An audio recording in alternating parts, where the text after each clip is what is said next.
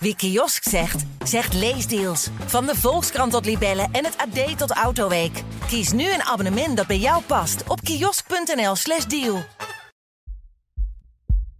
De kranten kwamen onder censuur van de Duitsers, dus ze moesten wel in de illegaliteit.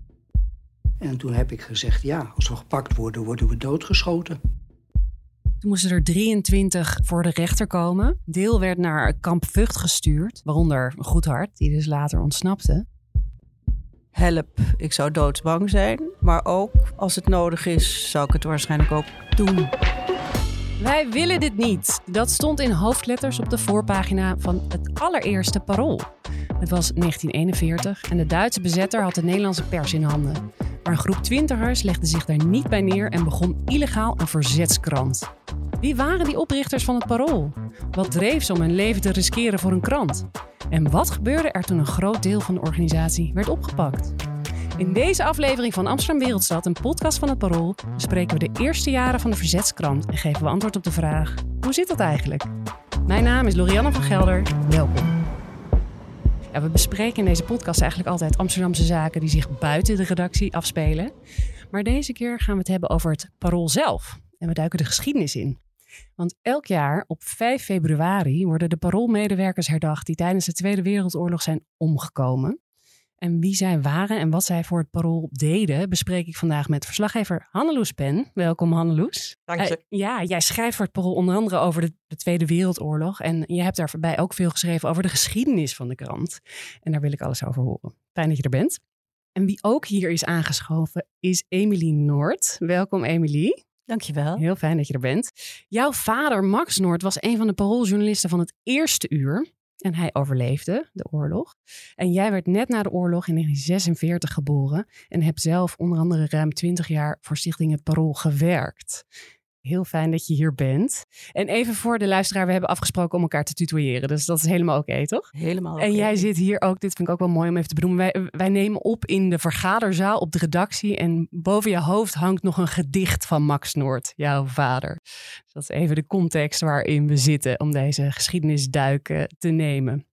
Want als we in die geschiedenis duiken, laten we ook meerdere fragmenten horen van uh, paroolmedewerkers die in het verzet zaten. Omdat ze er niet zelf bij kunnen zijn, is het toch een beetje alsof we ze een plek aan tafel geven. Maar Hanneloes, dan moeten we eigenlijk beginnen bij iets dat helemaal niet het parool heette, maar het nieuwsbrief van Pieter het Hoen.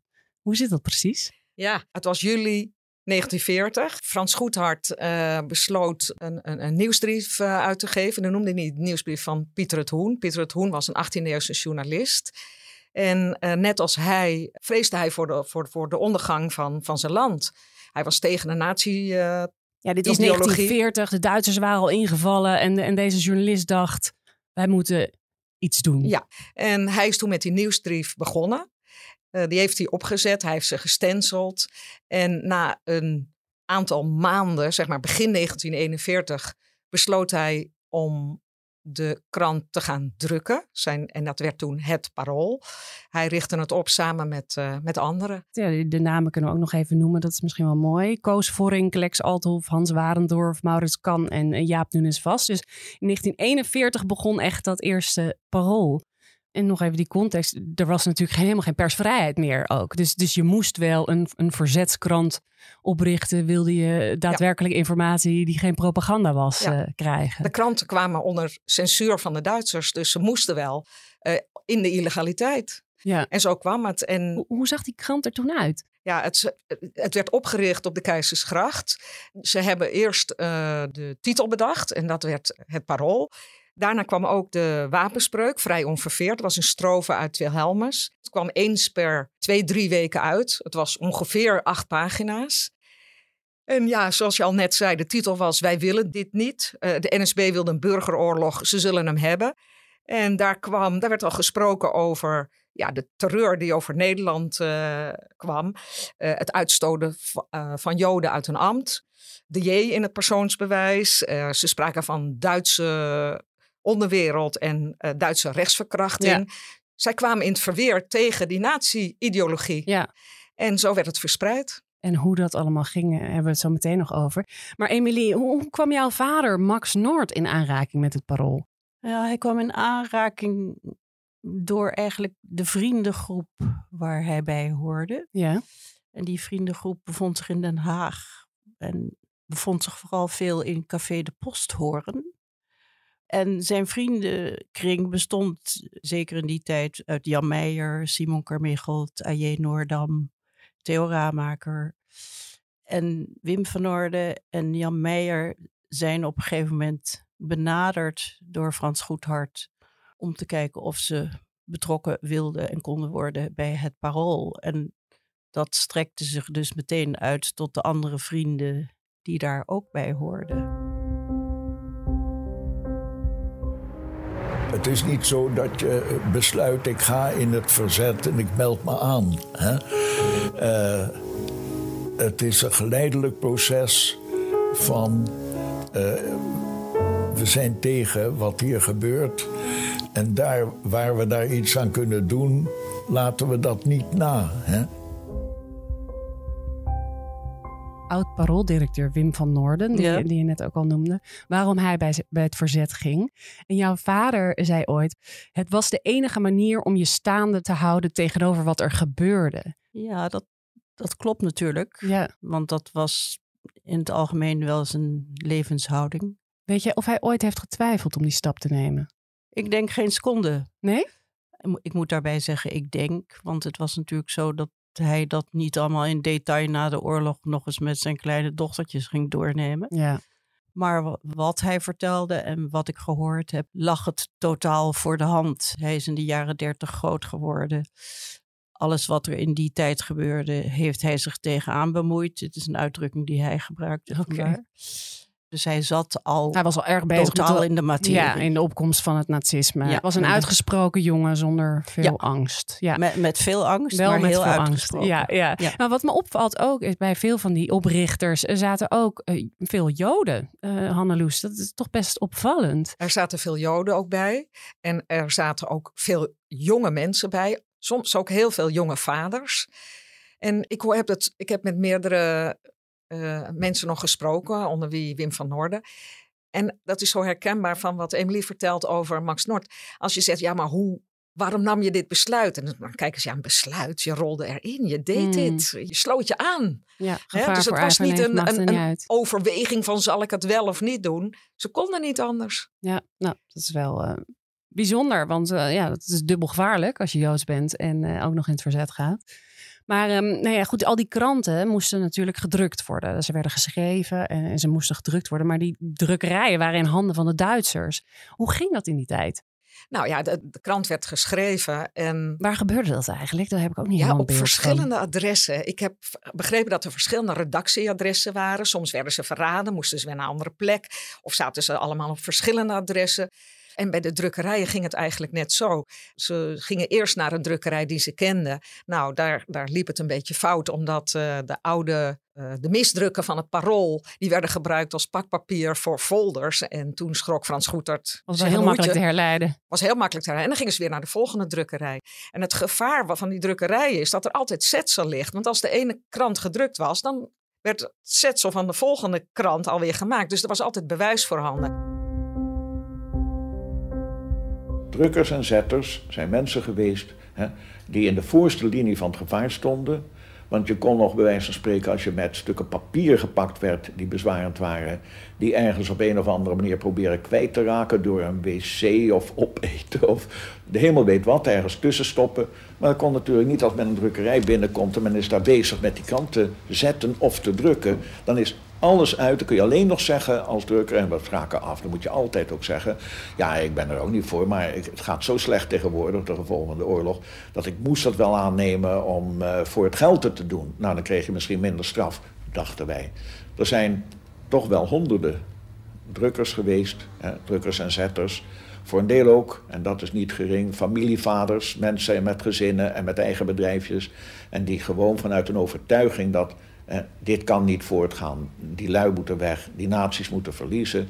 Die vanuit die overtuiging, en niet alleen voor Parool, maar voor Vrij Nederland en Trouw, en ga maar door, door het hele land heen, zich hebben eh, druk gemaakt hiervoor. En dat is natuurlijk geweldig geweest. Er zijn ook velen omgekomen. Ja, oh wauw. Dus af en toe aten ze zelfs bewijsmateriaal op, vertelt Wim van Noorden net. Om het maar eh, te verduisteren. Ongelooflijk. Of wat- door de wc ging het. Ja, ja, wat een risico's Ja, namen dat is ze. het verhaal van Simon Carmichelt, hè? die eh, Ja. gesnapt werd. Oh ja? En, ja, en die vervolgens bij een groenteboer naar binnen vluchtte. En daar alles door de wc wilde trekken. Dat mislukte, want hij deed het allemaal tegelijk. Dus het is eruit gevist. En toen raakte het en hij verstopt. is naar de gevangenis gegaan. Daar is hij om wonderbaarlijke reden uitgekomen. En het eerste was hij deed, was weer naar de drukker gaan. Want de krant moest gezet worden. Waanzinnig. Ja. Dat is niet eens afgeschrikt. Ja, en in 19, eh, eind 1944 werd eh, Johannes Jesse gevraagd voor het drukken van het parool. En daarover kan zijn zoon Ton heel mooi vertellen. En toen zei mijn vader, ja, weet je de consequenties van zo'n blaadje? En toen heb ik gezegd, ja, als we gepakt worden, worden we doodgeschoten. En toch doen? Ja, natuurlijk. Dat kon niet anders. Want de mensen die voor onze bevrijding vochten, die moesten ook dingen doen waar grote risico's aan verbonden waren. Bombarderen, aanvallen. We wilden een tweede front hebben. En daar moesten wij ook, wij waren ook een front. Ja, het hele gegeven, ik kan me bijna niet voorstellen dat je dat gewoon zo vanzelfsprekend vindt dat je dat Het was op een gegeven moment viel ook de elektriciteit eh, weg. En toen tapte hij af van eh, dat restaurant eh, Poort van Kleven. En zo kon hij verder drukken. En het was soms, begreep ik uit de overlevering, dat het stampen van die persen notabene op straat te horen was. Oh ja? Als, als ze daar binnen vielen, ja, dan was hij er meteen bij natuurlijk. Ja, en de Duitsers maakten natuurlijk voortdurend jacht op mensen uit het verzet. Ja, precies. Maar hij is het toch blijven doen. Tot en met het laatste nummer. Ja, ja en, en Emilie, dat, het is wel duidelijk dat mensen die aan het parool meewerkten dus heel veel gevaar liepen. Ehm, en, en je zei al heel eventjes ja, dat je vader wel bang was. Hoe ging hij met die angst om dan, om toch door te gaan? Eh, dat loste hij met zichzelf op. Hij heeft in een fragment in een film ook wel gezegd... toen de vraag kwam, eh, was u niet bang? Eh, ik pieste in mijn broek. Maar er is een ander eh, incident waarbij Wim van Noorden... ze woonde toen al op de Reguliersgracht... een wapentransport moest ophalen en vervoeren naar de Reguliersgracht. Niemand wist dat het over wapens ging, ook mijn vader niet... Maar die werd door Wim verzocht te helpen. Ja. Ze zijn die wapens gaan ophalen, op een kar gelegd. En zelfs onderweg nog door de mof geholpen om de kar de brug op te Oh ja? krijgen, want die slipte weg. En toen Wim, mijn vader, later vertelde. Dat waren dus wapens die jij hebt vervoerd. Heeft hij daarna nog letterlijk fysiek de rillingen gekregen. En zoals hij dan ook eerlijk zegt, bijna in de broek gepoept. Dus ze deden ook andere dingen dan eh, alleen maar drukken en, en schrijven van, eh, ja, van nieuws. Ja, ik heb trouwens begrepen dat die wapens nooit echt gebruikt zijn door het parool. Ehm, maar ja, misschien hadden ze dat nodig voor, voor de andere dingen die ze ook deden. Eh, ze hielpen onderduikers, ze zetten een internationale vluchtroute op naar Zwitserland. Dat waren ook dingen die ze deden. Ze deden dus veel meer dan alleen de krant drukken. Je bent wel bevreesd om in verkeerde handen te vallen. Want dat betekent je einde. En dat geeft je nou niet bepaald een opgewekt eh, gevoel. Maar, tja, je hebt geen keus. Dat was mijn gevoel. Je hebt eenvoudig geen keus. Je moet verder. Ja, ook oprichter Frans Goedhart was wel eens bang. En, en in 1942 eh, in handen van de Duitsers, Hanneloes. Dat is nog best een spannend verhaal. Hoe ging dat? Het was januari 1942 en hij wilde met Stuf Wiarda Beckman naar eh, Londen vluchten, waar de regering in ballingschap zat. Hij had een oplage van Parool, of uit kranten van Parool mee. En hij had ehm, eh, militaire informatie bij zich. En hij lag daar op het strand samen met eh Wiarda Beckman. En ja, daar zijn ze gesnapt. En ze zijn opgepakt, alle twee. Meteen door de Duitsers gewoon van het strand geplukt. En Ja. met heel veel bewijslast. Ja, met heel veel bewijslast. Er zat ook een brief bij, een, een adres bij van een van de drukkers, Wim Gertenbach. En die is later opgepakt. Ja, ja, En Frans Goedhart is eh, gevangen gezet. ja. En toen is hij naar kamp Vught. Hij is naar Kamp Gestuurd. Vught gegaan, ja. En daar heeft hij heel lang gezeten. Toen werd hij op een gegeven moment eh, de doodstraf. Hij is veroordeeld tot de, tot de doodstraf. Toen werd hij naar een politiebureau gebracht. En in dat politiebureau nam hij een van de agenten in vertrouwen, die er wel, ja, waarvan hij dacht, die ziet er wel aardig uit. En uh, die besloot de deur op een keertje te zetten, de deur open te laten. En toen is hij gevlucht. Oh, toen is hij gevlucht. En het was best wel, uh, naar later bleek ook nog eens heel belangrijk wat hij in kamp Vught hoorde. Maar daar komen we zo, zo meteen op. Want ja, we hebben het dus over drukken gehad en, en het gevaar dat je liep. Maar wat, wat stond daarin? Wat, wat moest er verspreid worden? Nou, voornamelijk, het ging heel veel over de politieke ontwikkelingen, ook in het buitenland. Maar ook bijvoorbeeld over de vlucht van, van NSB'ers op Dolle Dinsdag, september 44. Er werden ook vragen opgeroepen. Eind 43 las ik in een van de nummers: Is het doden van landverraders zedelijk verantwoord? En dan staat eronder: Totale oorlog eist totaal verzet. Dat waren dingen. Hoe kwamen ze aan hun informatie, bijvoorbeeld die politieke? Ja, ze hadden verschillende schrijvers en die verzamelden het nieuws via buitenlandse persbureaus. En, en radio's De radio. waren... Ja, radio maar radio's waren op een gegeven moment verboden. Die werden overal weggehaald door de Duitsers. Maar, niet, ja, maar heel veel mensen leverden de radio niet in. Nee, precies. Ja. en, en nou ja, Parool schreef ook over wat er met de Joden gebeurde. Die werden gedeporteerd. En die informatie hadden ze van Frans Goedhart, die net was uh, ontsnapt uit kamp Vught. En Wim van Noorden vertelde wat hij daar gehoord had. Toen had hij een stuk kopij meteen al bij zich. Hij vertelde ons, dat moet je onmiddellijk in de krant zetten. En dat was het stuk waarin stond dat de Joden in gasovens in uh, uh, Polen werden vermoord. Zo uit de trein, zo in de moordmachine. En toen zeiden we Frans, dat is natuurlijk onzin, dat kan helemaal niet. Toen zei ja, dat heb ik van een Poolse arts, een medicus, een gevangene, die via via, want dat ging in dat Duitse systeem zo, als lazaretarts in Vught is geweest. Ik ben daar in de ziekenbarak een tijd verpleegd, met die man heb ik gesproken. Die heeft mij gezegd van, als ze dat maar wisten, maar dat heb ik gezien. En toen hebben we dat niet geplaatst, want we geloofden het niet. We zeiden, nee, dat geloof jij natuurlijk wel. En je geeft wel weer wat je gehoord hebt. Maar dat is een verhit verhaal van die Poolse uh, gevangenen. En zo gaat het natuurlijk niet. Het zijn tenslotte nog, nog wel mensen ook. Nou, dat is een grote vergissing. Na enige tijd begon door te dringen dat dat wel degelijk waar was. En toen hebben we alsnog berichten daarover gegeven. Maar de echte waarheid daarvan is nooit tot ons doorgedrongen.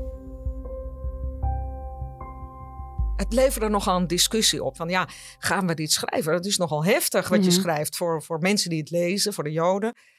Maar uiteindelijk heeft het wel in het parool gestaan. Wil je daar een stukje uit voorlezen over dat bericht? Ja, het is 27 september 1943. En ik citeer: Het omlegen, zoals de technische term luidt, geschiet thans reeds geruime tijd in een gaskamer, die in alle kampen gebouwd is. Zo'n gaskamer maakt een indruk een badlokaal te zijn. Een groot aantal mensen wordt er naakt ingebracht. Dat heeft het voordeel dat men de lijken naderhand meteen verassen kan, zonder dat men eerst nog kleren behoeft uit te trekken. Ik krijg er bijna een rilling van. Het is, ja, Ja. zo ontzettend feitelijk eigenlijk verwoord. Het is heel feitelijk verwoord, Ja. maar ja, heel direct en de waarheid. Ehm, om zulke informatie eh, het land in te krijgen. Want eh, in Amsterdam en Den Haag zaten dan eh, re- redactieleden. Maar de krant moest natuurlijk verspreid worden. Hoe, hoe ging dat in zijn werk? Ja, het werd verspreid. Er was een, een, een punt waar de, krant, waar de kranten lagen. Er waren hoofdverspreiders en, en verspreiders. Die hadden die kranten. Dan kwamen, de kranten werden uitgedeeld aan couriers. Die namen het vaak mee op de fiets of lopend. En die verspreidden zo de krant. Die verstopten ze in fietstassen, onder een kleding of ja, waar dan ook. En zij verspreidden de krant. Die couriers liepen natuurlijk ook direct gevaar. Ja, ja precies. Want, want hoe groot was die oplage ook eigenlijk? Nou, in het begin was het natuurlijk niet zo groot, maar halverwege de oorlog. ehm, ik Er stond denk- ook in het begin toch van eh, geef dit vooral door aan de volgende. Dat zoveel mogelijk mensen het kunnen lezen. Ja, dat klopt. Dat stond, dat werd gedrukt. Geef, geef snel door. Ja, Maar op een gegeven moment was er een oplage van iets van 60.000, las ik. En dat was al wat verder in de oorlog, hoor. Dat was echt 44. was groot. dat. Ja, ja. En hoe, hoe groot was het belang van die informatie nou eigenlijk? Wat, De mensen op de hoogte houden van het nieuws. Dat was het belang. Dat ze wisten wat er, aan, wat, wat er gebeurde. En dat, ze, dat de waarheid werd gezegd. Hoe dat ging, die oorlog. En wat er allemaal gebeurde. ja, en niet alleen maar de propagandamachine die, eh, die de Duitsers... eh, Precies. Mag ik hierbij vermelden dat mijn vader in zo vanaf 44 de, dagelijks de nieuwsbulletins schreef voor de krant. Ah, die schreef dus dat is misschien een aardige Ja, toevoeging. hieraan. zeker. En, en de frequentie werd toen opgevoerd ook. Jazeker. En hij, hij vertelde dan ook, dan moest hij op een gegeven moment naar een punt waar dan couriersters of couriers stonden.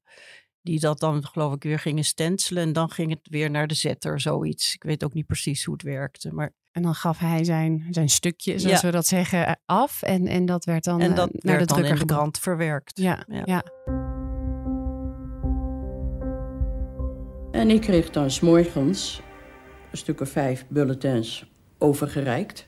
van een koerierster die rechtstreeks van de redactie afkwam. En die gaf mij dat al rijdend op de fiets... want we mochten natuurlijk niet stilstaan, want het, eh, er was haast geen verkeer. Dus er werd je al gauw gezegd, oh, die staan te wachten op iets of wat ook. En dat kreeg ik overgereikt in een boek. Daar zaten de bulletins in gevouwen en dat deed ik in mijn voortasje van de fiets. En dan zocht ik mijn mensen op, die dus weer verspreid zo'n beetje in de stad stonden. Wat ik allemaal fietste op een dag, dat had ik nooit kunnen belopen. Dan zat ik in Noord en dan zat ik in West, in de Oost. Ik, ik kroste door de hele stad, zeg maar heen. Ja, als we dus eh, afgesproken hadden op een bepaald punt en, en ze waren er nog niet... dan eh, waren gelukkig de katholieke kerken open. Die waren de hele dag open, dus dan konden we daar naar binnen. En konden we daar eh, wachten op elkaar. Diverse punten hadden we dus. Jacob Oberenstraat, de Keizersgracht, op het Singel, vlakbij het Koningsplein. was een bekend punt voor ons, waar we dus altijd kwamen. Ja, je ging. Je ging door. Dat, eh, dat, dat was eigenlijk heel vreemd. Nu achteraf bezien, en als je het nu zo wel eens terugdenkt... dan denk ik wel eens, ik heb toch ook veel geluk gehad natuurlijk. Veel vrienden van mij zijn gefusilleerd. Dat wist je dus. En, maar ja, je zat er eenmaal in in het werk en dat moest doorgaan. Nelblog Engelhard bracht het parool tijdens de oorlog rond in Amsterdam. Ja, ik, ik moest wel meteen denken aan, had zij dan houten banden op die fiets? Of waren er nog wel fietsen met banden? Want ze, ze croste inderdaad, eh, zoals ze mooi zegt, eh, de hele stad door. Nou, op een gegeven moment werden het houten banden. Ja, heb ik begrepen. Ja? Later werden ook nog alle fietsen afgepakt, dus Ja. moest je lopen. Ik weet wel van mijn vader, die had toen nog een fiets. En die heeft op een gegeven moment vertelde hij ook, ging hij naar de bruiloft van Jan Meijer in Utrecht in januari. En dat deed hij op de fiets. van Amsterdam naar Utrecht. Ja, en hoe koud dat was. En daarna moest hij ook weer terug. Men deed alles op de fiets of lopend. Ja, en met gevaar voor eigen leven. Ja, maar dat was denk ik langzamerhand wel ingecalculeerd. Bent het ooit? We- Weet je dat? Dat weet ik niet. Ik denk het niet. Maar het is wel, het is daar, dus je doet het ermee. Ja. Dat is mijn indruk. Nou ja, ik kan me daar niets bij voorstellen dat mijn werk op dagelijkse basis eh, zo'n groot risico eh, zou vormen. Maar voor de paroolmedewerkers toen was dat gewoon eh, het gegeven. Ze riskeerden hun leven en het is ook een paar keer helemaal misgegaan. Ja. In 1942 was er een eerste grote arrestatiegolf van paroolmedewerkers. Toen moesten er 23 voor de rechter komen. Een deel werd naar kamp Vught gestuurd, waaronder Goedhart, die dus later ontsnapte. Maar uiteindelijk werden 13 mensen op 5 februari 1943 gefusilleerd, begrijp Ja, ik. dat klopt. Ja, En die zijn toen herbegraven aan het einde van de oorlog op de erebegraafplaats in Overveen. En daar leggen wij nog elk jaar op 5 februari bloemen neer. ja. En, en er was ook nog een ander heel groot moment dat er een, een, een boel paroolmedewerkers zijn eh, opgepakt. Wat, Ja. wat gebeurde daar? Er was een brand in, de, in een eh, distributiecentrum in de Peperstraat, in het centrum van Amsterdam. En op die plek lagen een heleboel parols opgeslagen. Door die brand is dat uitgekomen. En degene die daar eh, een van de hoofdverspreiders was, die is doorgeslagen en die heeft allemaal adressen genoemd van een heleboel mensen. En toen zijn een heleboel drukkers, verspreiders, eh couriers opgepakt. Doorgeslagen naar marteling waarschijnlijk. Ja, dat, Verraden. dat, dat zou kunnen, of, of uit angst Ja. in ieder geval. En, hè, en, en dat er geweld aan te pas kwam, dat weet ik niet zeker. Maar ja, dat zou heel goed kunnen. En toen konden ze nog meer mensen arresteren. En toen volgde nog een proces, ja. En daarbij moesten 23 voor de rechter verschijnen. En gelukkig kreeg niemand dit keer de doodstraf, maar de meesten werden onder zware omstandigheden gevangen gezet. Ja. Wat ook niet iedereen heeft overleefd. Ja. Ehm, Emilie, vraag je wel eens af, dit is een persoonlijkere vraag, zou jij hetzelfde hebben gedurfd als je vader? Nou, dat heb ik me natuurlijk levenslang afgevraagd. Ja. Maar daar kan je niet echt een antwoord op vinden. Ik heb uiteindelijk het gevoel, help, ik zou doodsbang zijn. Ja. Maar ook, als het nodig is, zou ik het waarschijnlijk ook doen. Ja. Je doet de dingen die nodig zijn. En dat zijn ook de niet leuke dingen. Ja. Of de vreselijke dingen. En sprak hij er nou veel over? Hij sprak heel veel. Ja. verhalend. Want we hadden het al eerder over. Dit was een groep hele jonge jongens. Mijn vader was 25, Wim was 24, geloof ik, toen dit allemaal begon. En het was dus ook avontuurlijk. Ja. Avontuur met een randje, uiteraard. Maar dat maakt het alweer een interpretatie die ik doe. Voor mijn vader makkelijk om te spreken over de avontuurlijkheid ervan. Ja. Dus hij sprak veel, maar wat je eigenlijk moest weten, dat hoorde je niet echt. De echt pijnlijke herinneringen. Dat was die te raakte je liever niet aan. Ja. Nou, ik hoorde ook dat eh, bij Frans Goethart k- kwamen ook mensen na de oorlog van, van het illegale parool bij elkaar. En dan ging de deur dicht en dan spraken die mannen met elkaar. Oh ja. Het was echt... eh, ik- Gesloten voor anderen die het niet hadden meegemaakt. Ja, die het niet hadden meegemaakt. En ik denk dat het ook wel, want je vroeg op een gegeven moment, waren ze niet bang? Natuurlijk waren ze bang, maar ik denk dat die angst natuurlijk ook in de oorlog aanwezig was, maar ook daarna. Want ja, dan, dan besef je eigenlijk wat je allemaal hebt gedaan en welke gevaren je hebt gelopen. Ja. Natuurlijk beseften ze dat wel tijdens de oorlog, maar het kwam natuurlijk wel naar boven. Ja. Bij ons thuis ging de deur niet dicht, maar werd er onder begeleiding van prettige drank mooie verhalen besproken. Ja. Wat er echt gevoeld werd. Ik weet niet of ze dat ook onderling bespraken. Ja, en dan eh, gaan we naar de tijd dat de oorlog in ieder geval voorbij was. Want Nederland werd bevrijd. 5 mei 1945. Anneloes, wat schreef het parool daarover? Ja, het was het laatste nummer, was nummer 99 van het illegale parool. Dat was 6 mei 1945. Met adres erop, want het kwam te hangen in de etalage van de drukkerij van Jesse. En daar stond met grote hoofdletters boven: de capitulatie is thans een feit. Zij zijn toen na de oorlog hebben ze het met een goed bewapend commando, het gebouw van de Telegraaf, die altijd onder het gezag van de Duitsers is blijven schrijven, hebben ze geconfiskeerd. En daar zijn ze op de Nieuwe Zijds Voorburgwal, centrum. En daar zijn ze verder gegaan met drukken van het parool. Dus het parool ging door. Dat, dat gold helemaal niet voor alle verzetskranten. Want nou ja, een paar zijn wel doorgegaan. De waarheid is nog een tijdje doorgegaan. Vrij Nederland en Trouw bestaan ook nog. Maar er is een, een waslijst aan verzetskranten. Maar het parool ging dus door. Was dat logisch? Was dat moeilijk? Nou, Eh, iedereen wilde eigenlijk wel voor het parool schrijven. Hmm. Het had zo'n naam gekregen eh, door de oorlog. Dus je kreeg hele grote eh, namen die zich aanmelden. Annie M. G. Schmid, maar ook Gerard het Reven, Simon Vestdijk, eh Adria Morjan. Er kwamen grote namen bij het parool te werken. Sjane Roos. Sjane Roos, uiteraard. Die wilden allemaal wel heel graag betrokken zijn bij een, een, een krant die zo belangrijk was geweest in de oorlog. Ja, precies. Ja, ja. En jouw vader heeft na de oorlog ook nog jarenlang voor het parool gewerkt, eh Emily. Ja. Onder andere als chef kunst, waarnemend hoofdredacteur en correspondent in Parijs. En jij werkte zelf ook twintig jaar lang voor Stichting Het Parool. Ja. Een stichting die in de oorlog nog is opgericht, zodat het Parool ook na de oorlog kon blijven bestaan. Wa- wa- Wat heeft het Parool dan voor jullie als, ja, als familie betekend? Ehm, een heleboel eh, kunnen we hier wel uit concluderen. Ja, Als het in gesprekken ging om de krant en om wat daar wel en niet gebeurde, dat was bepalend. Literatuur en poëzie waren een groot belang, maar de krant heeft echt bepaald hoe het karakter gevormd is. Parool is wel een soort rode draad door jouw Heel leven. zeker. Ja. Heel En jij kent ook veel van de kinderen van andere parooljournalisten van Ja. het eerste uur. Ja. Zie jij nog wel eens?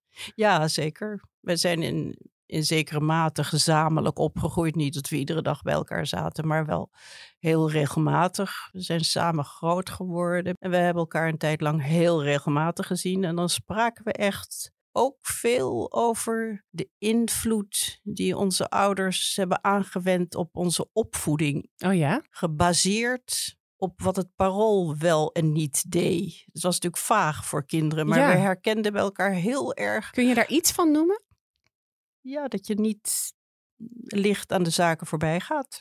En dat geldt, iedereen is nu op leeftijd, Mhm. maar dat geldt nog steeds. En we lezen ook gemiddeld allemaal nog het parool. Ja. Jullie noemen je de parolies, vertelde nou, dat je. is een woord wat ik gebruik. Oké, ja. En eh, wij zijn de paroolfamilie. Ja. Nou ja, dat Met- is dus wel doorgezet. Ja, dat hebben ze goed gedaan. die Ja.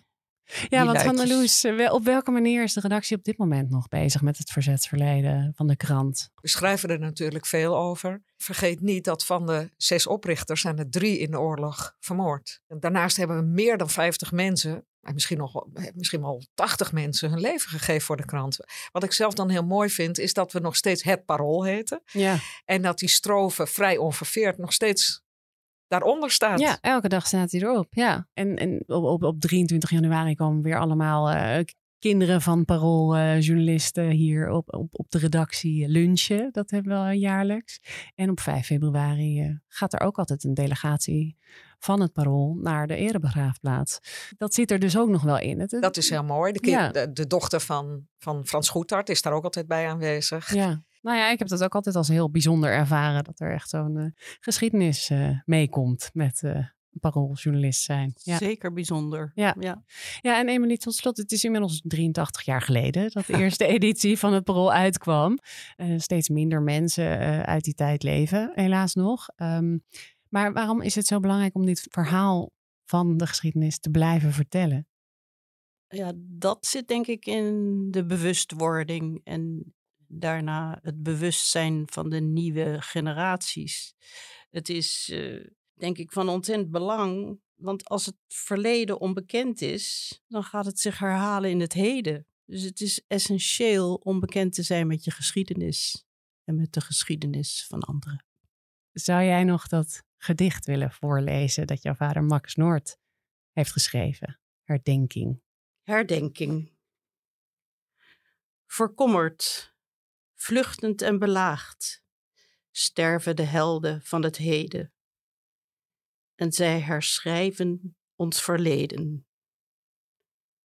Zo wordt geschiedenis vertraagd, herdacht, herinnerd en beleden. De beul is nergens nog verjaagd. Dankjewel, Max Noord. Heel erg bedankt voor dit gesprek, Hanneloes Pen en uh, Emily Noord. Er is natuurlijk nog veel meer te vertellen over de oorlogsjaren van Parool. Uh, gelukkig heeft Hanneloes daar heel veel over geschreven. Check vooral parool.nl of download de Parool-app. En ook hebben we veel informatie uit het boek Verzetsblad in oorlogstijd van Madelon Keizer en uit verschillende documentaires. We zullen een aantal linkjes in de show notes zetten. Dit was in ieder geval Amsterdam Wereldstad, een podcast van het Parool. De productie en montage en research zijn gedaan door Verena Verhoeven. Heeft echt heel veel tijd in ingestoken en supergoed gedaan. Met hulp van Vienna School. De eindredactie deed Josien Bolthuizen. Reageren of vragen stellen kan via podcast.parool.nl. Hartelijk dank voor het luisteren en tot volgende week. Hallo, ik ben Camilla Leupen, hoofdredacteur van Het Parool. Heb je genoten van deze podcast? Dan vind je onze artikelen misschien ook interessant. Een abonnement heb je al voor een paar euro per week. Je kan het ook eerst een paar weken proberen. Ga naar parool.nl/slash podcastactie voor een actuele aanbieding. Dag! Wie kiosk zegt, zegt leesdeals. Van de Volkskrant tot Libellen en het AD tot Autoweek. Kies nu een abonnement dat bij jou past op kiosk.nl/slash deal.